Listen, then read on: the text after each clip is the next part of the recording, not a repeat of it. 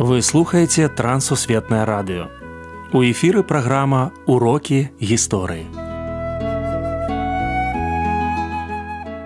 Запрашаем у падарожжа падзей, асоб і фактаў. Вучыцеся разам з намі.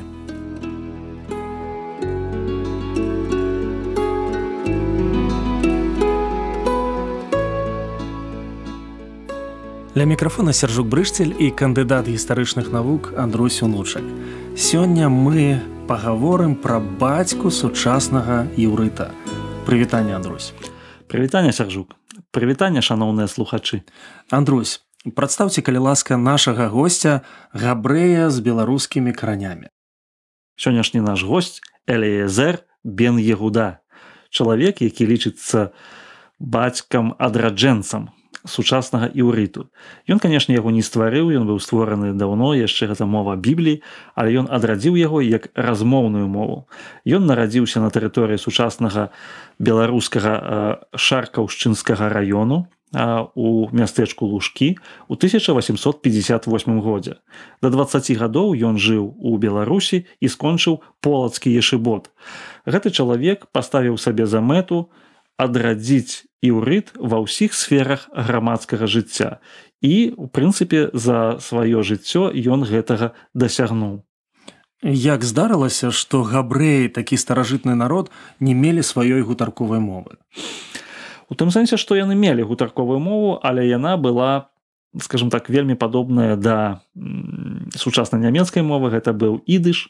Гэта была мова якой карысталіся у штодзённым свайму жытку габрэі тут у беларусі. Яна была мовай такого германскага паходжання. І безумоўна яна конечно вельмі адрознівалася ад мовы біблій ад той мовы якую габрэям даў Бог.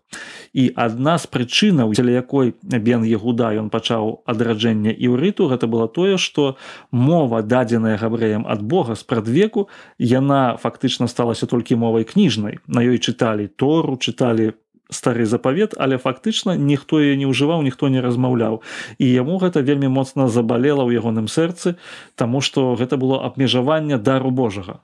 Чаму адраджэнне і адаптацыя еўрыта адбыліся толькі ў двадцатым стагоддзе На гэта пытанне мы можам адказаць так, што у яшчэ у першых стагоддзях пасля нараджэння Хрыста адбылося расцярушэнне габрэяў іх рассеяння па многіх кантынентах і многіх народах. І адзін з такіх важных аспектаў вынікаў гэтага рассеяння было тое, што яны страцілі мову бібліі, таму што яны ну не маглі ёй паслугавацца у такім жыцці сярод іншых народаў. Гэта была дыяспара, вялікая дыяспара ў розных краінах.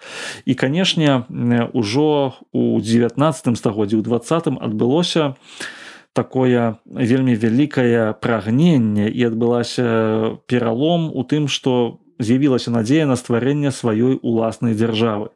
І канешне, уласная дзяржава без уласнай мовы, гэта было бы ну для светапогляду тагачаснага пакалення гэта было нонсенсам і ўжо задоўга нават за 100 гадоў да стварэння ўласнай дзяржавы пачаліся вось такія імпульсы да адраджэння гутарковай мовы і ўрыта з якімі праблемамі сутыкнуўся бен і ягуда ў сваёй справе жыцця? Ну о, першая праблема якую ён паставіў скажем так у якасці галоўнай гэта было тое што пераканаць сваіх жа суайчыннікаў у тым што варта адраджаць іўрыт. У 1879 годзе ён пераехаў у палестыну, пасяліўся там сярод сваіх супляменнікаў на тэрыторыі старажытнага Ізраілю і э, разам са сваёй жонкай пачалі выхоўваць свайго сына на іўрыце. І першае, што ён зразумеў, гэта тое, што для многіх людзей гэта было ну такім скажем адкрыццём і выклікам як гэта ну выхоўваць дзіця на той мове, на якой ніхто не размаўляе. Але праз гэта праз сваю сям'ю ён паказваў, што для іх мова прынцыпова важна. І першую праблему ён перадолеў менавіта праз тое, што ягоны сын пачаў размаўляць яго першай мовай быў менавіта іўрыт. З іншага боку ён сфармуляваў сабе такія вось прынцыпы. У яго быў такі прынцып словы словы словы. Іўрыт ужо не выкарыстоўваўся больш за 2000 гадоў ну каля двух тысяч гадоў. Значит не было шэрагу слоў якія былі. Тады ж ужо пачаў з'яўляцца телефон пачалі з'яўляцца там ровары самалёты там газеты і, і іншыя словы якіх просто выбарыце не было. Яму патрэбна было стварыць гэтыя словы. І не было ніводнай школы дзе бы выкладаўся іўрыт у якасці гутарковай мовы. І таму канешне з гэтымі праблемамі сутыкнуўшыся ён пачаў іх паступова вырашаць расскажыце нейкую жывую гісторыю з жыцця бен ягуды.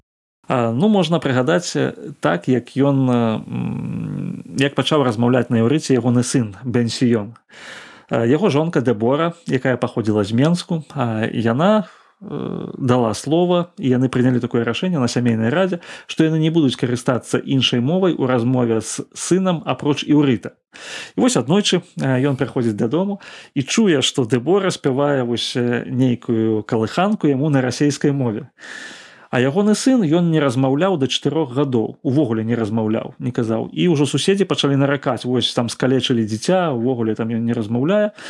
У яго быў вельмі сумны настрой такі смутны. І плюс ён пачуў яшчэ што жонка парушыла гэту клятву і ён пачаў сварыцца на яе і казаць ну што ты нарабіла чаму ты вось не выконваеш нашай дамовы?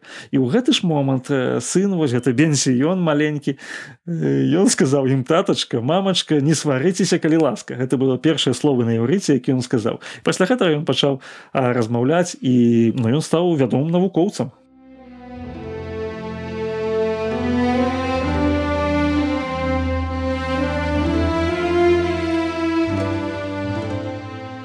У нас атрымалася размова не толькі пра адраджэнне еўрыта, а ў некаторым сэнсе і пра адраджэнне любой мовы.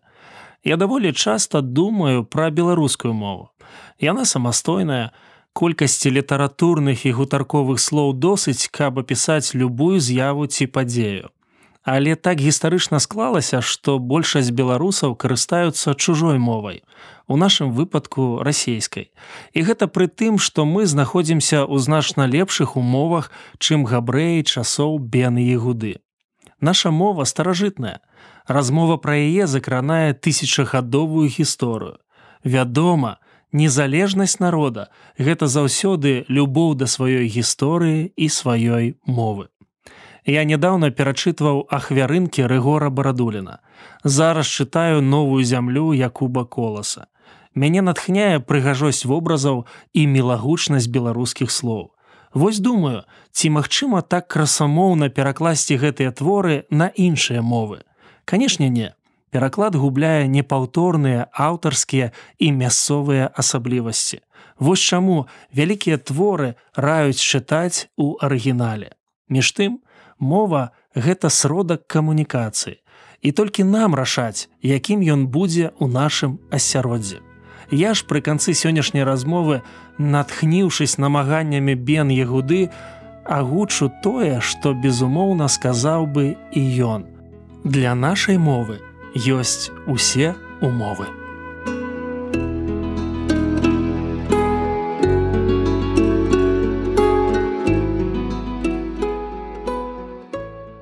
Дзякую, што далучыліся да нашага праекту. Калі ў вас ёсць пытанні, пішыце калі ласка на адрас. Трансусветнае радыё, урокі гісторыі. Паштовая скрынка 45, індекс 22 40 20, горад Брест 20, Беларусь. Пакідаю для сувязі электронную пошту rmtwr.by собачка gmail.com Шукайце нас на сайте twr.fm. Да новых сустрэч!